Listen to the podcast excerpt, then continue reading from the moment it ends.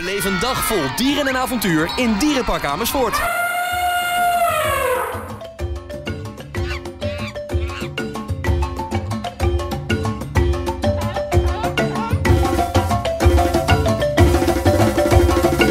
Ja, we staan hier in eh, Dierenpark Amersfoort op een, eh, ja, op een unieke locatie in de, in de olifantenstal van Dierenpark Amersfoort.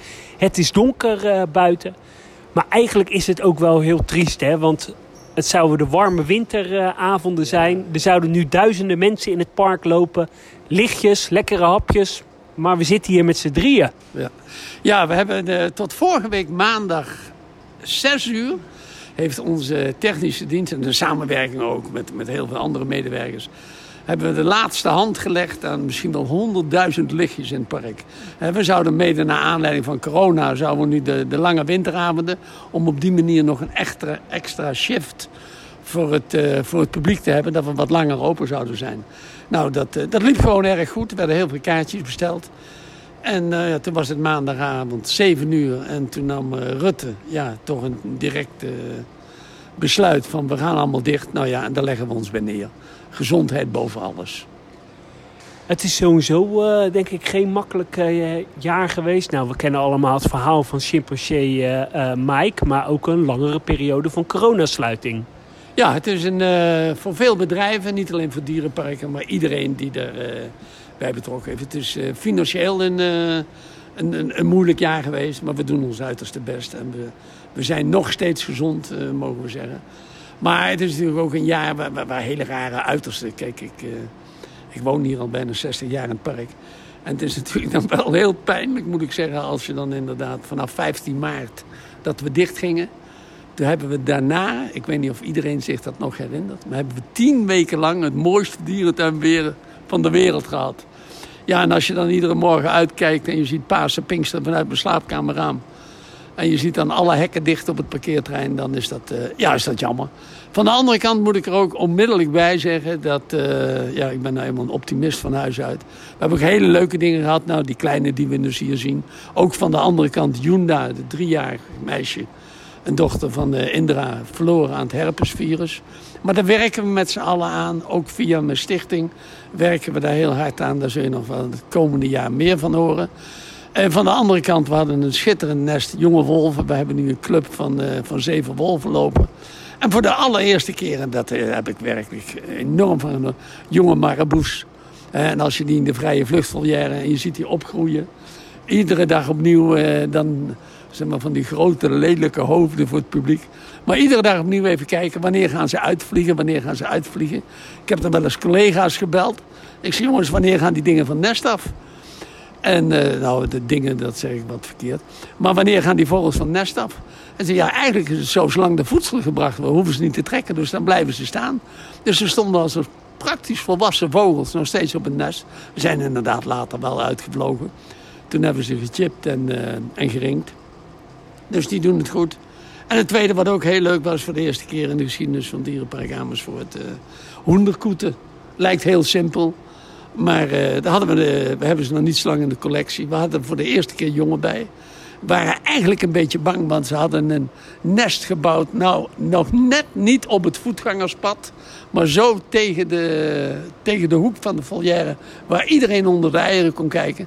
Dat ik kwamen schitterende kuikentjes uit. Die dan zo tussen de vleugels van de moeder naar de buitenwereld kijken. Ja, en daar heb ik ook wel heel veel lol in. Het leuke is eigenlijk dat in de dierenwereld uh, kent men geen corona. En dat gaat eigenlijk, leven gaat daar gewoon eigenlijk door. Ja, dat is waar. Leven en dood ligt in een dierentuin heel dicht bij elkaar.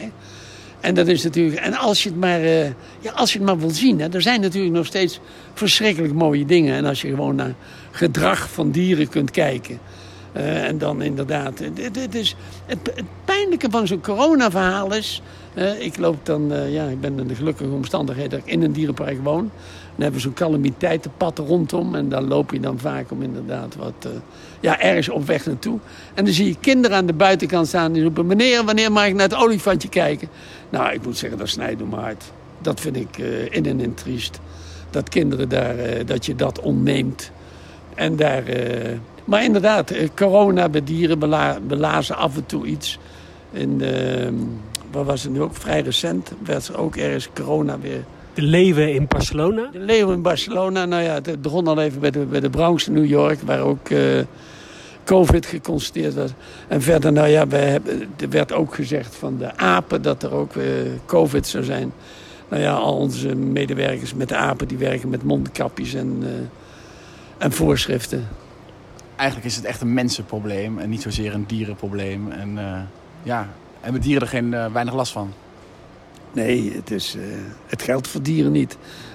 Wat we dus inderdaad echt bij dieren dan weten... wat ik net al even aanhaalde, dat is dat, eh, dat vreselijke herpesvirus. Bij, bij de olifanten. Maar verder heb je in zijn algemeenheid bij dieren dan heel weinig. Kijk, dit is nu zo aardig om te zien. Hè? Die kleine die volgt heel veel oma. Hè? oma oh, je ziet bij oma, die heeft ook een lichte borstvorming. Daar, daar zuigt hij voor de lol, voor de bonding. En bij moeder gaat hij altijd eh, zijn voedsel halen. En Produce- Produceert oma geen melk? Ik denk het niet. Ik denk dat zij wel wat, eh, wat vocht heeft, maar in ieder geval... We weten dat niet 100% zeker. Kijk, nu gaat hij ook weer naar die tepel toe. Oh, hij loopt eronder door. Gaan eh, de Nederlandse dierentuinen deze coronacrisis overleven? Oei, gevaarlijke vraag. Ik kan, ik kan alleen voor Dierenpark Amersfoort eh, spreken.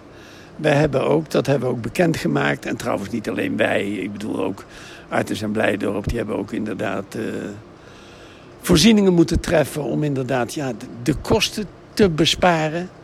En ook in Dierenpark Amersfoort, zeg maar, een deel van onze inkomsten... dat had ook te maken met de horeca. Ja, daar kwamen we al vrij snel achter dat dat eh, niet veel zou worden dit jaar. Dus we hebben eigenlijk alles wat met eh verjaardagspartijtjes, vergaderingen, bruiloften en partijen... dat hebben we onmiddellijk eh, ook opgezegd. En daardoor ook een, een stukje kostenbesparing kunnen doen. Kijk, we kunnen natuurlijk niet op de dierverzorging, daar kunnen we niet op besparen. Maar we zijn een gezond bedrijf en we komen er wel weer door. Maar dit moet... dit moet natuurlijk niet oneindig doorgaan. Hè. We hebben nu bij elkaar, eh, moet je niet vergeten... we zijn dus maar, 17, 18 weken dicht en dat is een derde. En ook inderdaad in een periode waar we nog eh, ja, heel veel goed hadden kunnen maken. Eh, we kennen jou als een betrokken mentor van dierentuinen in Oost-Europa. Om die van advies te voorzien. Denk je dat in, in Oost-Europa de klap van de corona nog harder aankomt voor de dierentuinen? Ja, het is natuurlijk... Kijk, zij hebben natuurlijk wel een heel ander... laten we zeggen, financieel beleid. Hè? De beleid juist in die eh, Oost-Europese dierentuinen. Dat is vaak van de stad. Daar is weinig particuliere initiatief. En met name de tuinen waar ik mentor van ben. Hè? Dat is een, eh, zeg maar in de Oekraïne, in Georgië en in eh, Macedonië. Dat zijn stadsdierentuinen. Ja, en die worden ook wel gesteund door de overheid. Maar wat daar natuurlijk ook dubbel jammer is... er is daar vele malen minder voor de kinderen als in Nederland. En dat is natuurlijk daar ook... Dat, eh, daar missen kinderen veel. Maar het zal ook... eh, ja, ik weet dat aan alle kanten bezuinigd wordt. Ik heb dus regelmatig eh, contact met die dierentuinen. En die zeggen ook, we hebben ja, geen inkomsten van bezoekers. Dan moet ik wel zeggen dat Garkov is nu compleet aan het verbouwen. En het idee van Garkov is om gratis entree eh, te gaan doen. Ja, Skopje en, en Tbilisi zijn wel afhankelijk van inkomsten. Maar het is moeilijk, zorgelijk. Ik zag eh, recent beelden voorbij komen van eh Kharkov in eh, de Oekraïne. Ja. En daar is het toch wel bijzonder dat die gehele dierentuin wordt compleet omgebouwd. Ja, dat is ongelooflijk. Miljoenen dollars wordt het daar uitgegeven. En ik krijg dan eh, iedere drie, vier weken krijg ik een, een appje en een filmpje toegestuurd. En ik krijg van de week een, weer een filmpje over, over een neusberenverblijf toegestuurd. Nou, werkelijk wat alles mocht kosten. Maar vergeet ook niet. En, dat, eh, en we zitten hier dan nu lekker in een verwarmde stal. En we hebben nu even wat, eh, wat zeg maar, toch, ja, een zacht wintertje. In de Oekraïne, daar heb je dus vaak twee maanden winters van 17, 18 graden onder nul. Dus zeg maar, als daar een, een, een simpel verblijf voor, eh, voor neusbeertjes gebouwd wordt... dan moet je wel zorgen, en dat is dan ook de strategie van de stad Kharkov... dat eh, ze willen dus de mensen het hele jaar door naar de dierentuin hebben. Dus dan moet je daar ook, eh, nou ja, net zoals dit, grote verwarmde binnenverblijven hebben. Zou eh, de nieuwe dierentuin van Garkov in, in Oekraïne mee kunnen met de westerse standaard? Zou het een toevoeging zijn voor de, het Nederlands dierentuinlandschap qua kwaliteit? Ja, voor 100 procent. 100 procent. Qua inrichting en dergelijke en wat er uh, verblijf wordt. Maar wat mijn probleem is en waar ik ook al jaren tegen vecht. De, de, de, kennis, de kennis van de verzorging is zo laag. En je moet niet vergeten dat in die landen het beroep van dierenverzorgen dat is, houdt heel weinig in. Hè. Je mag dus poep scheppen. Er zit, uh, ja, het is niet aan mij om daar kritiek eigenlijk op te leveren. Maar, zeg maar er zitten een aantal mensen die dan gestudeerd hebben. En dat zijn de biologen en, en nou ja, noem het allemaal maar op. En die zitten allemaal op kantoor. En er wordt weinig gesproken met... Uh, kijk, we hebben hier een overleg met de verzorgers en dergelijke.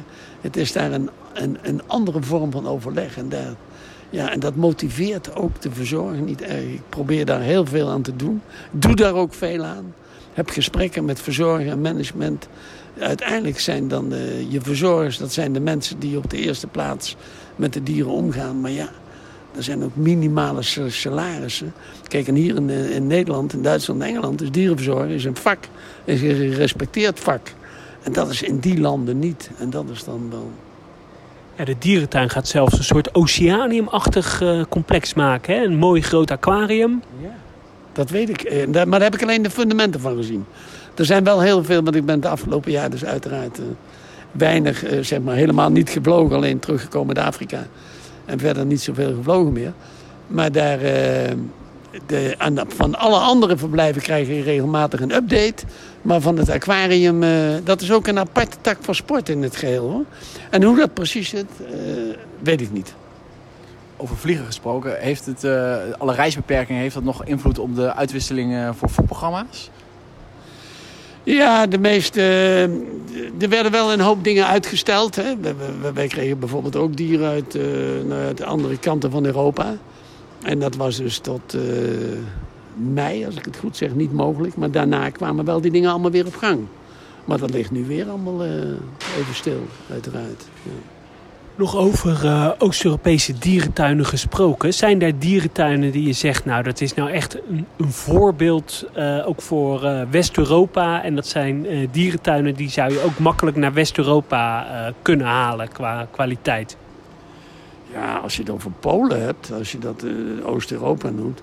Er zijn in Polen natuurlijk een aantal tuinen. Daar, uh, daar kunnen we een puntje aan zuigen. Dat is natuurlijk wel. Maar er zijn natuurlijk ook van de andere kant. Kijk, je moet natuurlijk ook kijken. Een, uh, een dierentuin is altijd een spiegel van het land. en als je daar in Georgië kijkt. En je kijkt daar naar een uh, salaris van mensen. Als je daar een supermarkt in loopt. Dan zijn bepaalde dingen goedkoop. Brood en dergelijke. En de sterke drank is dan ook wat goedkoper. Maar over het algemeen uh, moeten de mensen daar ook uh, redelijk betalen voor, een, uh, voor, de prijs in de supermarkt.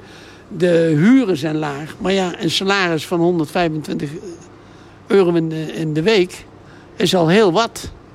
Ja, ik vergelijk dat maar eens met Nederland. Maar een liter benzine kost ook ruim een euro en dergelijke. Dus, dus dat is een... en daar kan je natuurlijk niet verwachten. Ik heb wel eens een liep ik in zo'n tuin rond. Ik zeg, hoe kun je mensen nou hier op zo'n, weg ontvangen, vol met kuilen en gaten?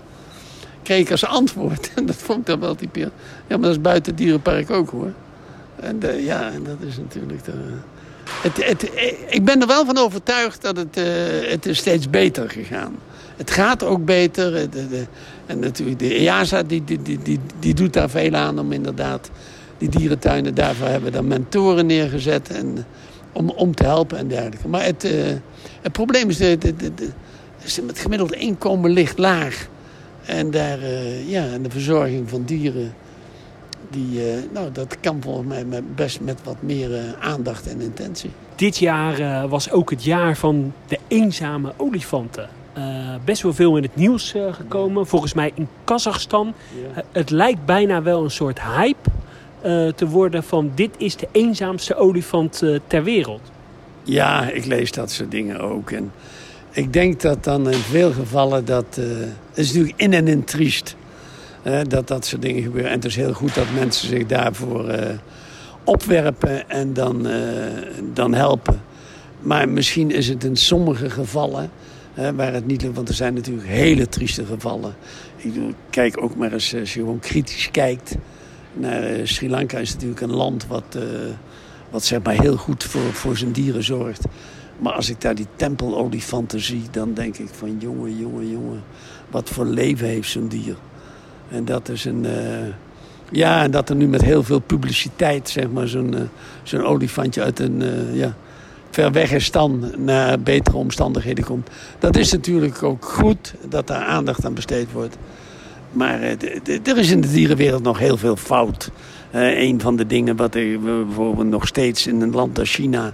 wat toch een van de opkomende economieën is. En als je daar dan die berenfarms nog steeds ziet en dergelijke... en hoe daar wasbeerhonden gefokt worden om al iedereen een bont kraagje te geven... ja, dan, eh, dan, moeten we, dan moeten we nog een hoop leren. Die knalovers die je hoort, dat zijn verse wilgetakken. Kijk, dan breken ze die takken en halen ze de... Kijk wat je nu bij haar ziet. Kijk, haal die schors eraf, dat is het lekkerste. Eh, een ander eh, dier wat veel in het nieuws is geweest afgelopen jaar, dat is olifant Booba. Ja. Eh, zou eh, uiteindelijk weg moeten, mag toch eh, bij de familie Vrijwald eh, blijven. Eh, kan je als olifant-expert zijn daar iets over zeggen? Ja hoor. Zal ik dat ook doen? Ja. Nou, ik, eh, ik heb mijn leven lang al belangstelling gehad voor olifant. Niet alleen in dierentuinen, maar ook in het wild en ook in circussen. En ik heb daar eh, schitterende voorbeelden van gezien. Kijk, als je mijn instelling naar olifanten kijkt... Ik heb 25 jaar lang heb ik verkondigd... een olifant kan je niet verzorgen als je hem niet aan de ketting hebt. Ik verkondig nu al 35 jaar lang... een olifant aan de ketting is dierenmishandeling. Dat is een gegeven, klaar. Dus er is een totaal voortschrijdend inzicht. Ik heb mijn leven lang heb ik ook eh, belangstelling gehad voor circusolifanten. En mijn beeld is daar ook enorm van veranderd. Olifanten in de circus hoeft niet meer. Die staan aan de ketting, die staan in een tent, die hebben te weinig beweging. Maar als je nu dan inderdaad naar individuele dieren gaat kijken... Kijk, je die kleine daar lopen, dan schrikt hij van een muisje of wat. En, dan, eh, en zo'n Boeba, die olifant, die heb, ik, eh, die heb ik ook jarenlang gevolgd. Ik heb hem ook heel vaak gezien. Hij was hier in Soest en Amersfoort als circus kwam. Overal als er circus was, ging ik altijd naar olifanten kijken... om te kijken wat het gedrag was en al dergelijke dingen. En ik heb er ook hele mooie dingen gezien en soms ook hele slechte dingen. En die Boeba die is dan in, in, in handen van de, van de familie Vrijland. En we hebben ook wel eens wat veterinaire hulp aan hun gebonden. En die olifant is natuurlijk dat is een heel individueel dier. Hè, Het is en blijft een olifant, maar zijn hele gedrag en al dergelijke dingen meer. Ik had van de week een uitgebreide discussie. Hij moet naar zijn vriendjes in Frankrijk. Ik zeg, mevrouw, eh, hij moet naar zijn vriendjes in Frankrijk. Eh, A, heeft hij helemaal geen vriendjes in Frankrijk? En deze olifant die heeft een totaal andere belevingswereld. Als je dat ziet, hoe die familie Vrijland daarmee omgaat. Toen dat hele probleem begon met eh, wilde dieren de tent uit en dergelijke... toen praten we over enkele honderden olifanten. Nu hebben we enkele honderden. Nu hebben we minder dan 100 olifanten nog in circussen. De gemiddelde leeftijd, ik hou dat heel goed bij, is ruim over de 40. En laat dan die dierentuinen, die- of die circussen die ze af willen staan naar een dierentuin, prima. Die ze willen houden, die willen daar veel geld in steken om die dieren ook nog een fatsoenlijke oude te hebben. Maar als die familie Vrijland zich voor 100% voor dat dier omzet, inzet, waarom zou je dat dier nu gaan verkassen? En in de olifanten zijn niet lief voor elkaar hoor. Olifanten die elkaar niet kennen, we kennen, ik er tientallen voorbeelden van. Wij hebben ook inderdaad Mentida hier uit de groep gehaald, omdat dat met Waarbaar helemaal niet ging. En zo zijn er tientallen voorbeelden als je met olifanten bezig bent. Van de opgegeven. Eh, ze zijn niet zo aardig tegen elkaar. Ze willen de baas zijn. Nou, wat, ik een goed voorbeeld vind is, ik kom regelmatig in, eh in Burgersoe. Daar staan twee oude eh, olifanten, ook eh, dieren die vroeger aan de ketting stonden en die ook trucjes hebben gedaan volgens mij. En als je dan, ik kom daar toch iedere twee weken ongeveer en dat al, nou, al tien jaar. Ik heb nog nooit die olifanten interactie zien hebben met elkaar. En die dieren die gaan hun eigen weg en die staan wel heel goed samen in een verblijf, maar er is geen, voor een sociaal dier is het heel raar, want er is nul interactie tussen die olifanten. En eh, nou ja, je kunt je dus afvragen of een olifant heel, eh, ehm, heel blij wordt als hij een andere olifant ziet. Als hij daar toch geen communicatie of interactie mee heeft. Nou, ik ben blij dat jij dat zegt, want ik wilde dat voorbeeld niet aanhalen. Maar als je inderdaad naar die olie... Maar uh, Burgers die heeft ook de taak op zich genomen. Die hoeven niet te fokken met olifanten. Die hoeven geen bullengroep, die willen oude wijven... Uh, sorry voor de uitdrukking. oude wijven opvangen. Nou, dat hebben ze al een aantal jaren uh, goed gedaan. De olifanten hebben een prachtige oude dag. En nu hebben ze twee meiden. En als je daar goed naar kijkt... blijft er altijd een aantal meters als... De, ik ben even de namen kwijt... Als de ene 10 meter naar links gaat, gaat de andere 10 meter naar rechts om die afstand te houden. Nou, en dat is ook des olifants. En daarom zeg ik dan ook, als je die oude, eenzame olifanten... Kijk, als je drie olifanten bij elkaar hebt en die breng je naar Frankrijk, naar elefant hebben... Prima, fantastisch. Die hebben afleiding aan elkaar.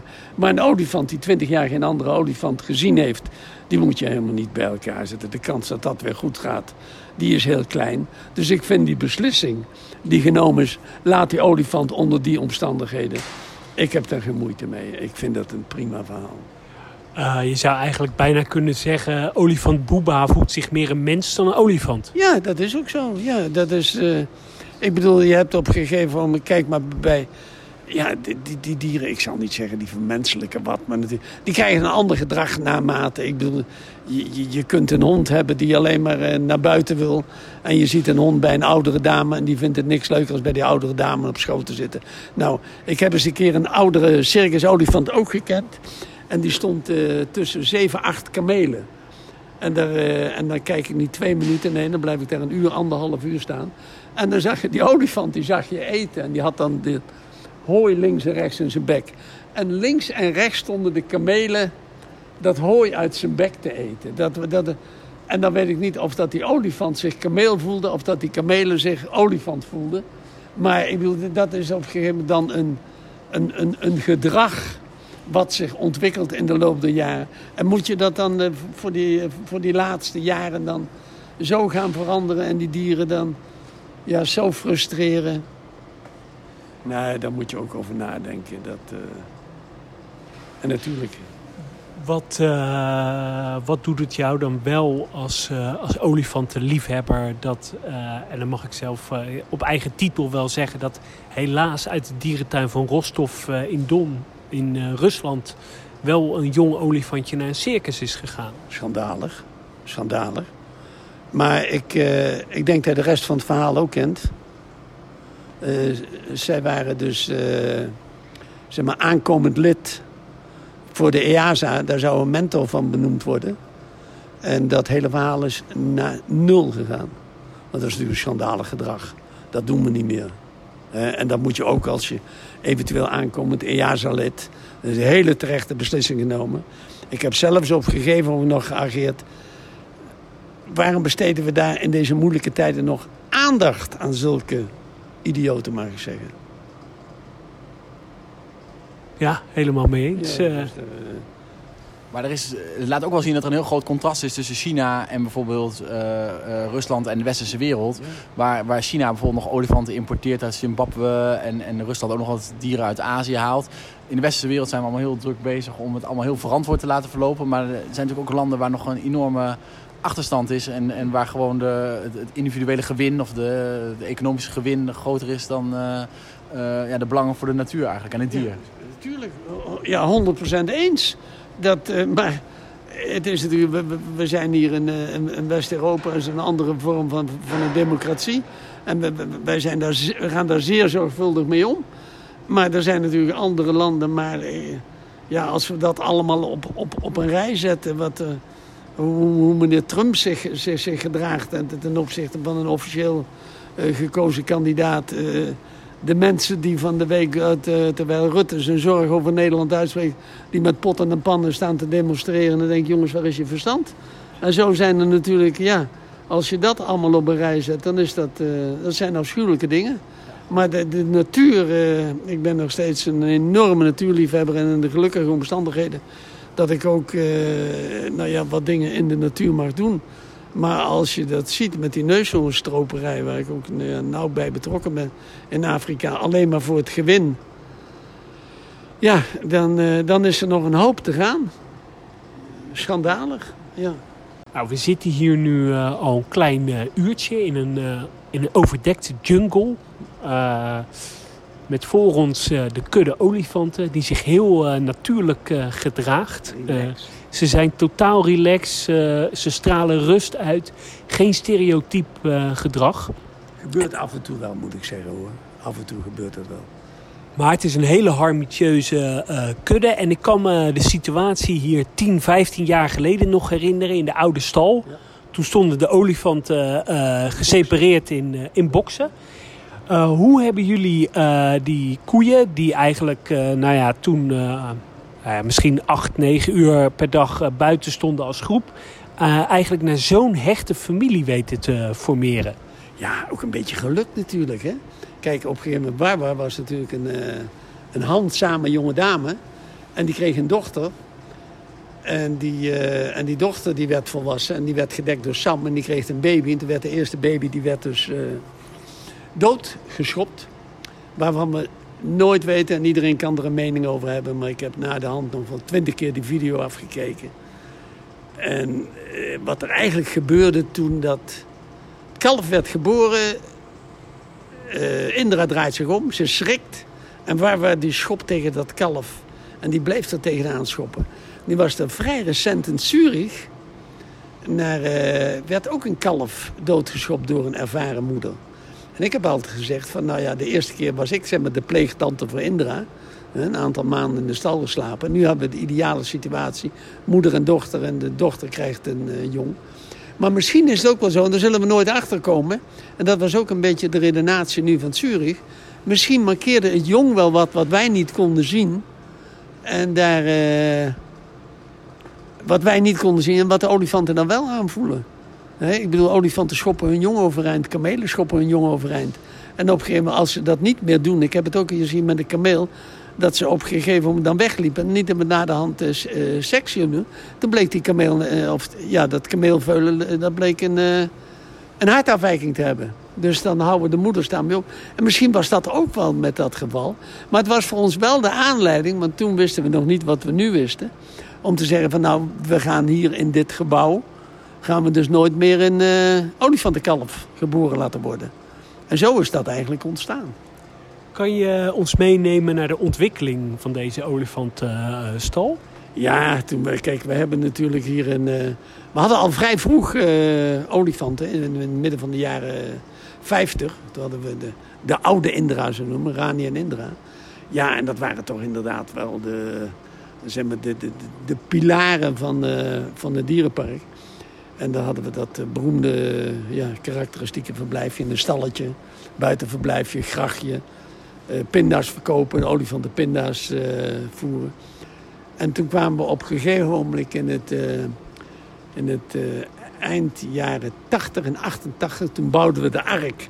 En toen hadden we ook de oude olifantenstal. En toen hebben we eigenlijk gezegd van nou, als we nou in die bouw van die Ark, als we daar nou ook, dan hebben toch een bouwmaatschappij hier eh, lopen, als we daar dan ook die olifantenstal mee kunnen krijgen. En dat hebben we toen gedaan. En toen hadden we al onmiddellijk al gekozen voor een boxensysteem. Dat was toen ook eh, nou ja, nogal vrij nieuw. Maar dat we in ieder geval los in de box eh, konden zetten. En daar hadden we best wel goede ervaringen mee. Toen kregen we intussen kregen we Sam uit Parijs. Die was geboren in Parijs. Die was vrij jong, was die wees geworden. Nou ja, wees, zijn moeder stierf. Zijn vader Siam is vele jaren later pas gestorven. En toen kwam eigenlijk ook, toen ging dat verhaal ook lopen dat er eh, olifantjes uit eh, Burma beschikbaar kwamen. Hele dure dieren toen de tijd. Je praat over 100.000 dollar per stuk. Ja, en zo is dat eigenlijk allemaal gaan lopen. En toen we eenmaal Wentida, dat was dus wel de filosofie. En daar was met name Henk Vis ook bij betrokken. Die wilde daar best eh, geld voor vrijmaken. En als we nou een moeder met een kind hebben, dan hebben we een ervaren moeder. En dan hebben we in ieder geval, dan kunnen we daarop door. Want alleen, zeg maar, eh, eigenlijk was alleen Bernardientje was, eh, geboren. En toen hebben we gezegd, dan kunnen we daarop doorgaan. Nou ja, En ging je toen zelf eh, naar Azië om een olifant uit te zoeken? Ja, ik ben toen met, met Frans van der Brink naar... ik niet alleen hoor, maar ook nog een... van de Ouwehands Dierenpark en van Noorden Dierenpark in Emmen, Riek Schreven en Peter van Eyck. Die zijn daar ook geweest. Die hebben ook olifanten voor hun dierentuinen uitgezocht. En toen ben ik op een gegeven moment bij, eh, bij op een markt terechtgekomen. Dat was de enige olifant die een vrouwelijk kalf had. En die niet reageerde op mijn rare stem. Mijn rare stemgeluid en geur. Dus toen hebben we haar hier naartoe gehaald. En toen was eigenlijk al het beeld. Maar we wilden voor die tijd ook al. Toen hadden we nog een. eh, eh, hoe heet ze? Twiggy. eh, uit de gesloten dierentuin van Bellevue in Manchester. Die hadden we toen ook hier naar, naartoe gehaald. En die zouden we toen ook eh, nog laten dekken in Blijdorp. Maar dat was zo'n verduivelde one-man elephant die alleen maar naar één man luisterde. En die was toch best een beetje gevaarlijk. Ze leeft overigens nu nog in de dierentuin van Belgrado. Ik heb het vorig jaar nog een keer bezocht. Ze herkende hem ook nog, na 27 jaar. Dat was heel leuk. Maar toen zijn we in ieder geval naar Amersfoort dus daar verder mee doorgegaan. En ja, en dan geluk toen het eerste olifantje geboren werd. Ja, en zo is dat verder ontwikkeld. Hebben jullie ooit wel eens gedacht aan Afrikaanse olifanten? Nee, nooit. Nooit. Dit is gewoon een historisch... eh, Aziatische olifant in dierentuinen is ook vaak een historisch gegeven. Maar er zijn natuurlijk, zeg maar, zoals Ouwehand en Beekse Berg... die ook Afrikaanse olifanten hebben. Ja, en dat gaat ook eh, prima. Maar er, er is daar natuurlijk nooit zo'n... eh laten we zeggen, zo'n zo, zo, zo'n- sorry, zo'n input geweest. Hè? En die Afrikaanse olifanten die geïmporteerd zijn... toch heel veel, zeg maar, van slachtingen van kudden geweest. Dat zou ik nu niet meer doen. Maar toen de tijd, ja... Er werd in Kruger, zeg maar, daar werden ook tientallen olifanten afgeschoten. En die jonge dieren van drie of vier jaar, die stonden in een kampje. En die hebben, kijk, nu gaat hij eh, over op de nachtverlichting. En, dan gaat het. En die, eh, die stonden in een kampje en die hebben nooit zeg maar, een sociale achtergrond gehad. En bij de Aziaten, daar, is natuurlijk, daar zijn jonge olifanten geïmporteerd. Die zijn opgegroeid in dierentuinen. Daar zijn weer jonge dieren bijgekomen. Zo is er wel een soort ja, doorschakelend lesprogramma geweest. En dat is, eh, en dat is het voordeel van die Aziaten. En toen we dus inderdaad ook, eh, zeg maar, toen die gelegenheid zich voordeed, dat er een, eh, een aantal Aziaten uit Burma hier naartoe kwamen. Het zijn bij elkaar, geloof ik, 40 dieren geweest. En dat zijn allemaal toch, eh, voor een groot gedeelte, allemaal eh, fokdieren geworden. Heb je ooit wel eens met Afrikanen gewerkt? Olifanten? Nee, nooit. Heel veel bekeken. Heel veel ook in andere dierentuinen ook naar gekeken. Maar er zit, voor mij zit er ook niet zoveel verschil in hoor. Eh, kan je iets vertellen over hoe deze olifantenstal in elkaar eh, zit? Ja, eigenlijk een, eh, kijk, toen we deze olifantenstal gingen bouwen, hadden, ze, hadden we een filosofie. Van er moet een familiegroep leven, kunnen leven. Acht, negen dieren, tien dieren in totaal. De bul moet overal in kunnen waar de koeien ook in kunnen. Dus niet een speciaal bullenverblijfje waar die nooit meer uit kan. Dus de, alle bullen hier die we gehad hebben, die weer naar andere dierentuinen... eh, zeg maar Alexander en Chamundi en, eh, en nu Maurice... die kunnen hier allemaal net zo makkelijk inlopen. is net zo veilig voor hun als dat het voor die koeien is. Dus dan moesten dieren bij elkaar kunnen leven. Moesten de dieren wel kunnen scheiden. Dus we hebben die boksen erachter gebouwd. Dat zie je nu als je heel slecht weer hebt en je hebt een kalf, dan kun je toch de dieren hoeven je niet naar buiten te doen. En vooral natuurlijk eh, dan eh, de dieren nooit meer op beton, hè, dus een zandbodem. En de boksen erachter, dat is ook een, eh, een rubberbodem. Hè, dat dieren geen last van hun voeten krijgen. En heel veel afleidingen. Dus je ziet hier nergens hooi. Moeten ze allemaal moeten ze daarvoor werken, moeten ze dat gaan pakken. We hebben de gelukkige omstandigheden. We krijgen heel veel wilge takken en kerstbomen. En van alles en nog wat wordt er opgehangen aan banden en aan, aan eh, netten en dergelijke. En je kunt natuurlijk, kijk, nu krijgen we zo'n hele harde knal. Dan breekt ze die tak. En, die, eh, en dat is inderdaad om de bast eraf te halen, wat het lekkerste is. En we hebben hier dan ook allerlei banden aan kettingen hangen. En er zijn natuurlijk wel mensen die zeggen... ja, dat hoort niet in een olifantenstal. Dan zeg ik helemaal prima, maar zolang de olifanten er lol van hebben... en we hebben er geen alternatief voor... dan mogen er voor mij banden... en ze hoeven dan niet inderdaad pimpelpaars of groen te zijn... maar overal waar olifanten lol in hebben... en dat zijn heel veel dingen, dat geven we ze. En eh, de separatieboxen bestaan uit drie ruime boxen, hè? Ja. En allemaal eh, de mogelijkheid om daar eh, protected contact te doen. En het leuke is, we hebben nu ook met de, de ervaring van die twee andere kalveren... hebben we nu een klein boxje bijgebouwd. En, daar, en als de moeders dan s'morgens even 10 minuten... en oma en de 10 minuten getraind worden... Hè, even protected contact, voetje aangeven en der, dan loopt zo'n kleintje, loopt die, zei, Jen die is nu nog te klein... maar die loopt dan die boxen en die gaat meestal doen. Die ziet dat gewoon, die hoeft niet eens te trainen. En het publiek staat eigenlijk een beetje in een jungle setting. En die kijkt naar een olifantengroep die een beetje tussen de boomstammen staat. Ja. Valt mij heel erg op. Ja, ja. En dit, eh, dit zijn allemaal grote oude eiken- en beukenbomen. Houden we heel zorgvuldig in de gaten. Als hier in de buurt zeg maar, een nieuwe riolering en dan moeten grote bomen weg, dan nemen we contact op. En deze bomen, dat is een heel simpel verhaal. Die, eh, je kunt ze A, ze afzagen en B, ze staan gewoon drie meter in de grond. Alle krachten hebben grenzen. Die, eh, die, die bomen die wegen 2 ton. Nou, da- da- daar zit dus zeg maar 500 kilo zit onder de grond. Dus ze kunnen ze nooit omduwen en ze zijn voor ons heel makkelijk te verwijderen. Want we zijn nu al aan de tweede set bomen hier eh, bezig. En daar blijven we constant mee bezig. Eh, je zei net al toen we hier eh, naartoe eh, liepen dat er hier ook regelmatig dierentuinen komen kijken om inspiratie op te doen voor hun nieuwe olifantenverblijf. Ja, omdat het zo simpel is. Het is eigenlijk een, ja, een heel simpel concept. Hè? Ik bedoel, je kunt de dieren scheiden, je kunt ze bij elkaar houden.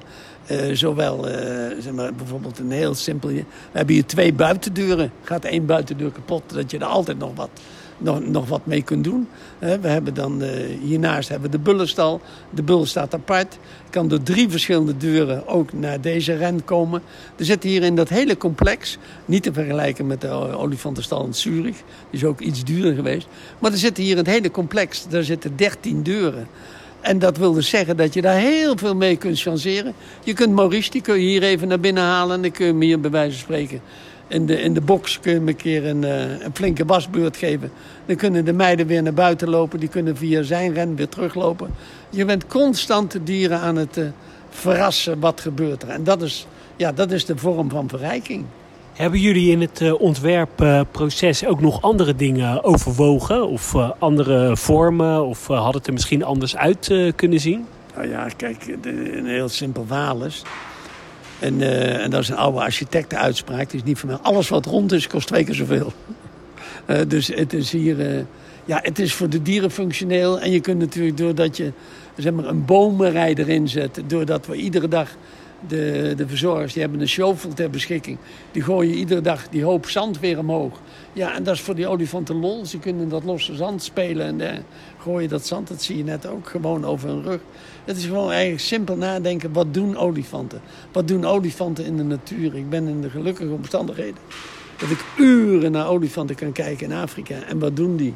In de modder spelen, in het zand spelen, eten, een stukje kuieren en eh, met de familie bezig zijn. Nou, en als je dat kunt namaken en een stukje natuurlijk gedrag, dat je inderdaad kunt fokken.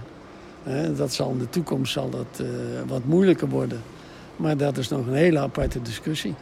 Ah, hoe bedoel je, zal het in de toekomst wat moeilijker worden? Nou, als we op een gegeven moment kijken naar, eh, je noemde net zelf, ik eh, sta hier te kijken naar een hele rustige familie. En die hele rustige familie, de grondslag van de familie is dat hier allerlei verschillende leeftijden in zitten. En op het moment eh, dat, we, eh, dat we straks zeggen van we krijgen te veel olifanten in dierentuinen.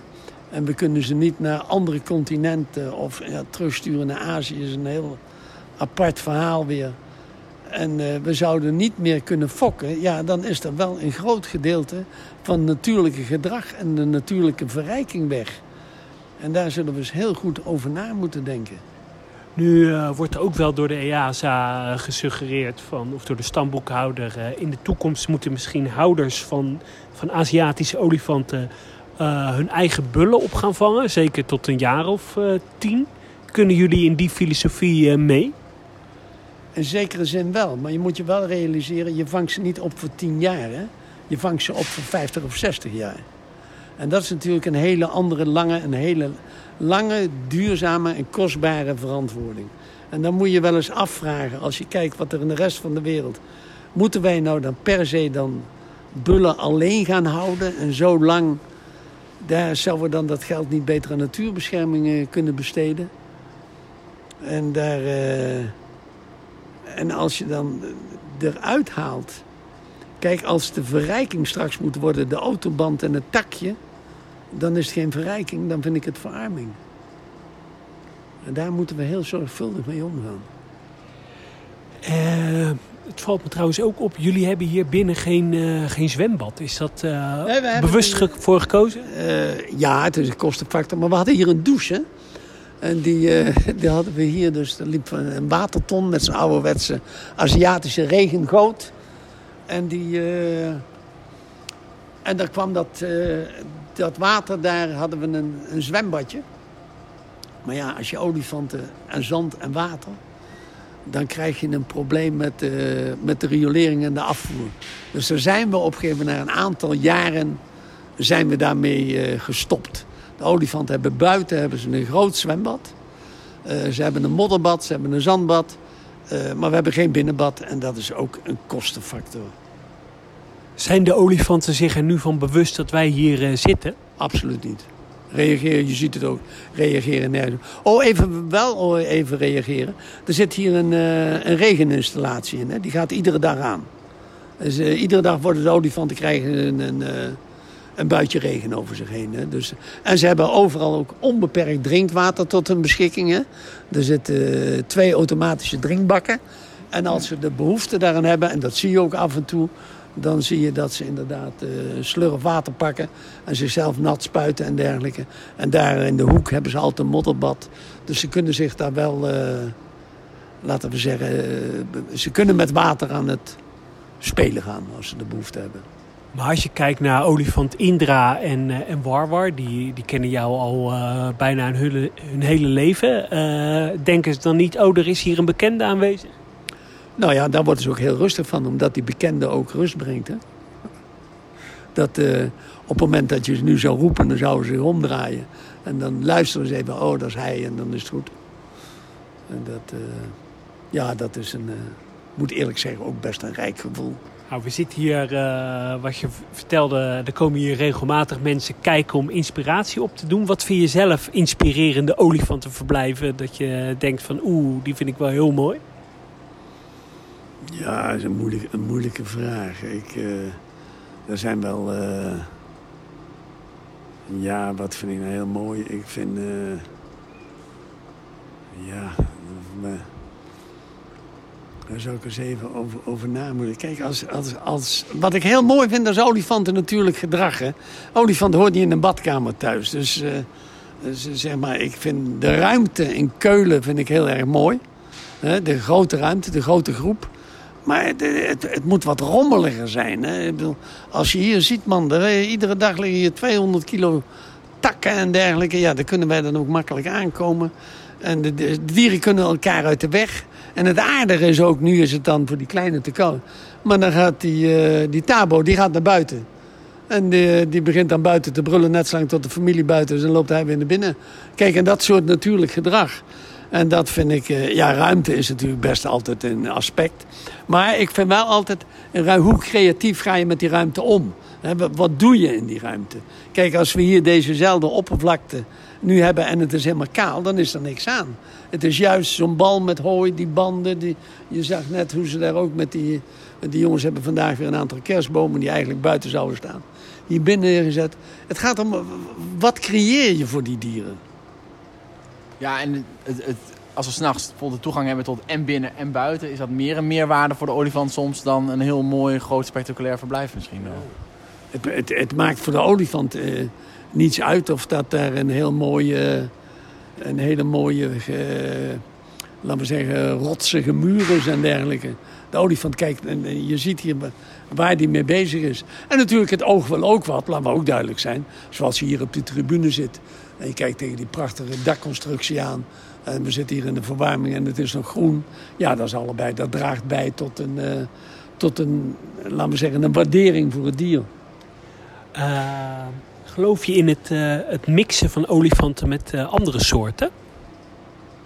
Ja, ik vind, eh, ik vind bijvoorbeeld een schitterende keus in, eh, in eh, hoe heet het, in de Beekse Berg met die bavianen. Maar in Boras, daar, ik weet niet of je die dieren dan kent. Ja, daar lopen natuurlijk daar lopen buffels, giraffen, genoes, olifanten. Nou, daar loopt van alles bij elkaar. Alleen het enige nadeel is daar wel dat er praktisch alle mannelijke dieren, die, zijn er, die worden apart gehouden en achter de schermen. Maar ik denk, maar, maar olifanten met, met Indische antilopen en dergelijke. Ja, dat is een prima afleiding. Dat, eh,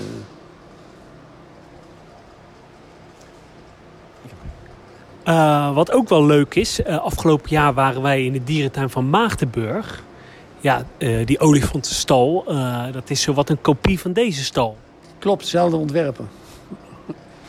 Het ziet er ook daar schitterend uit. Ja. Wat kunnen dierentuinen eraan doen om over 25 jaar nog dieren als mensapen, ijsberen, olifanten, toch altijd dierentuinen die, dierentuindieren die altijd een beetje onder een vergrootglas uh, liggen te kunnen behouden.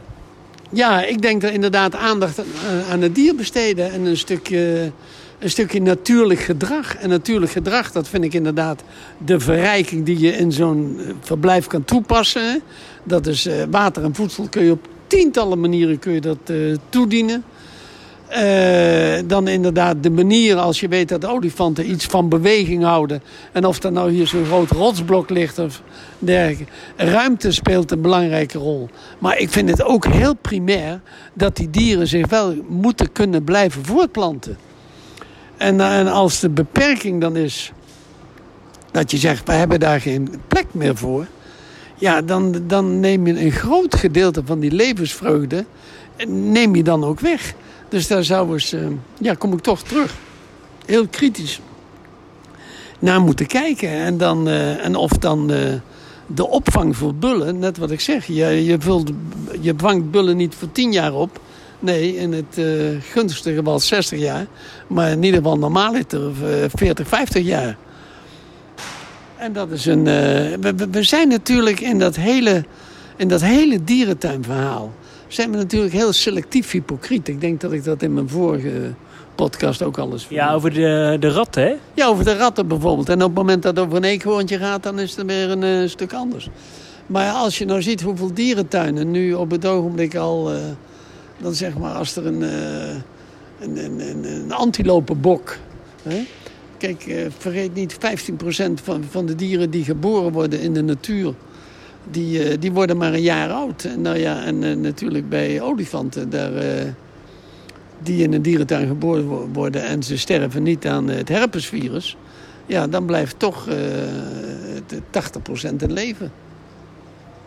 Een, een, vraag van totaal andere orde. de oplettende luisteraar die heeft jou afgelopen jaar kunnen zien bij wie is wie van de drie op televisie. Hoe ben je daar terecht gekomen? Oh, nou, als kijk, dat is natuurlijk ook een heel creatief team daar bij Talpa. En die zeggen van we gaan bijzondere beroepen zoeken. Ja, en als je op internet kijkt en zegt wie doet er iets met olifanten, ja, dan heb je redelijke kans dat je mijn naam tegenkomt. En toen werd er gebeld of ik daar aan mee uh, wilde werken. Ik zei, nou, ik zei, op het moment dat ik er ook mijn verhaal kan vertellen, ik zei, dan wil ik daar best aan meedoen. En ik moet zeggen, het was een hele leuke ervaring. Uh, kan je ook nog iets vertellen over het werk van je stichting? Ja, ik ben er nog steeds. Mijn stichting bestaat dit jaar 20 jaar. De Maya Hoedemaker Elephant Foundation. We werken nog steeds heel veel op Sri Lanka. Er zijn ook allerlei zijwegen ingeslagen. Uh, we doen nu ook uh, zeg maar, projecten in Congo. Daar ben ik ook via PUM, eigenlijk uh, van de overheid. Dat ging toen niet door omdat het te gevaarlijk was. Toen ben ik bij een particulier in aanraking gekomen. Dus daar doen we kledingprojecten voor uh, met name voetbalkleding naar kinderen. Als kinderen allemaal hetzelfde t-shirtje aan hebben, dan uh, is er een saamhorigheid. Dan kun je ze wat, uh, wat leren. Dus daar steken we nog veel geld in. We steken geld in een onderwijsprogramma in Sri Lanka, wat al jaren loopt. We doen veel onderzoek. We hebben nu net een bijenonderzoek hebben we afgesloten. In Sri Lanka, daar gaan we ook, net zoals in Afrika, bijenkasten hangen we erop. Werk nu ook sinds kort samen met Bring the Elephant Home.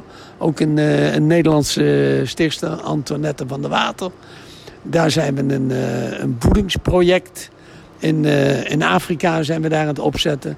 Dus overal waar hulp nodig is, daar, daar proberen we aan mee te werken. En ik moet zeggen dat...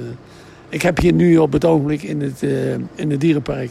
hebben een klein tentoonstelling van Zimbabwaanse beelden. En die verkopen we voor de stichting. En de winst die gaat ook uh, uiteraard allemaal naar de stichting toe.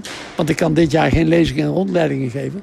Dus ik moet zorgen dat de stichting wel uh, gesponsord blijft. Uh, ten slotte, we staan aan het, op de valreep van 2021.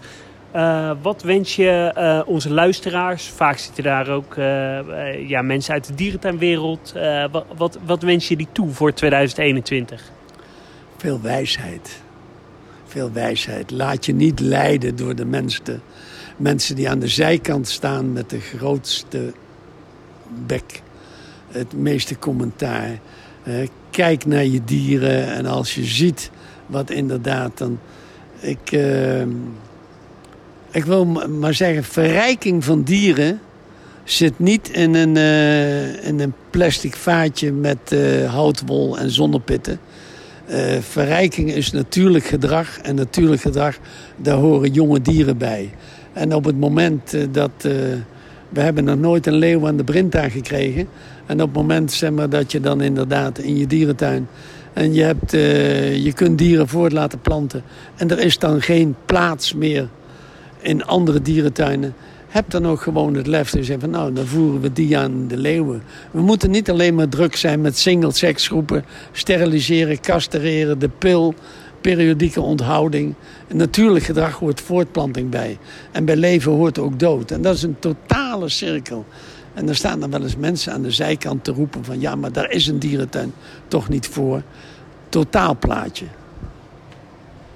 ik noem het eigenlijk altijd een beetje de circle of life uh, van de Lion King. 100% mee eens. Dankjewel uh, voor je tijd. Geen dank, graag gedaan.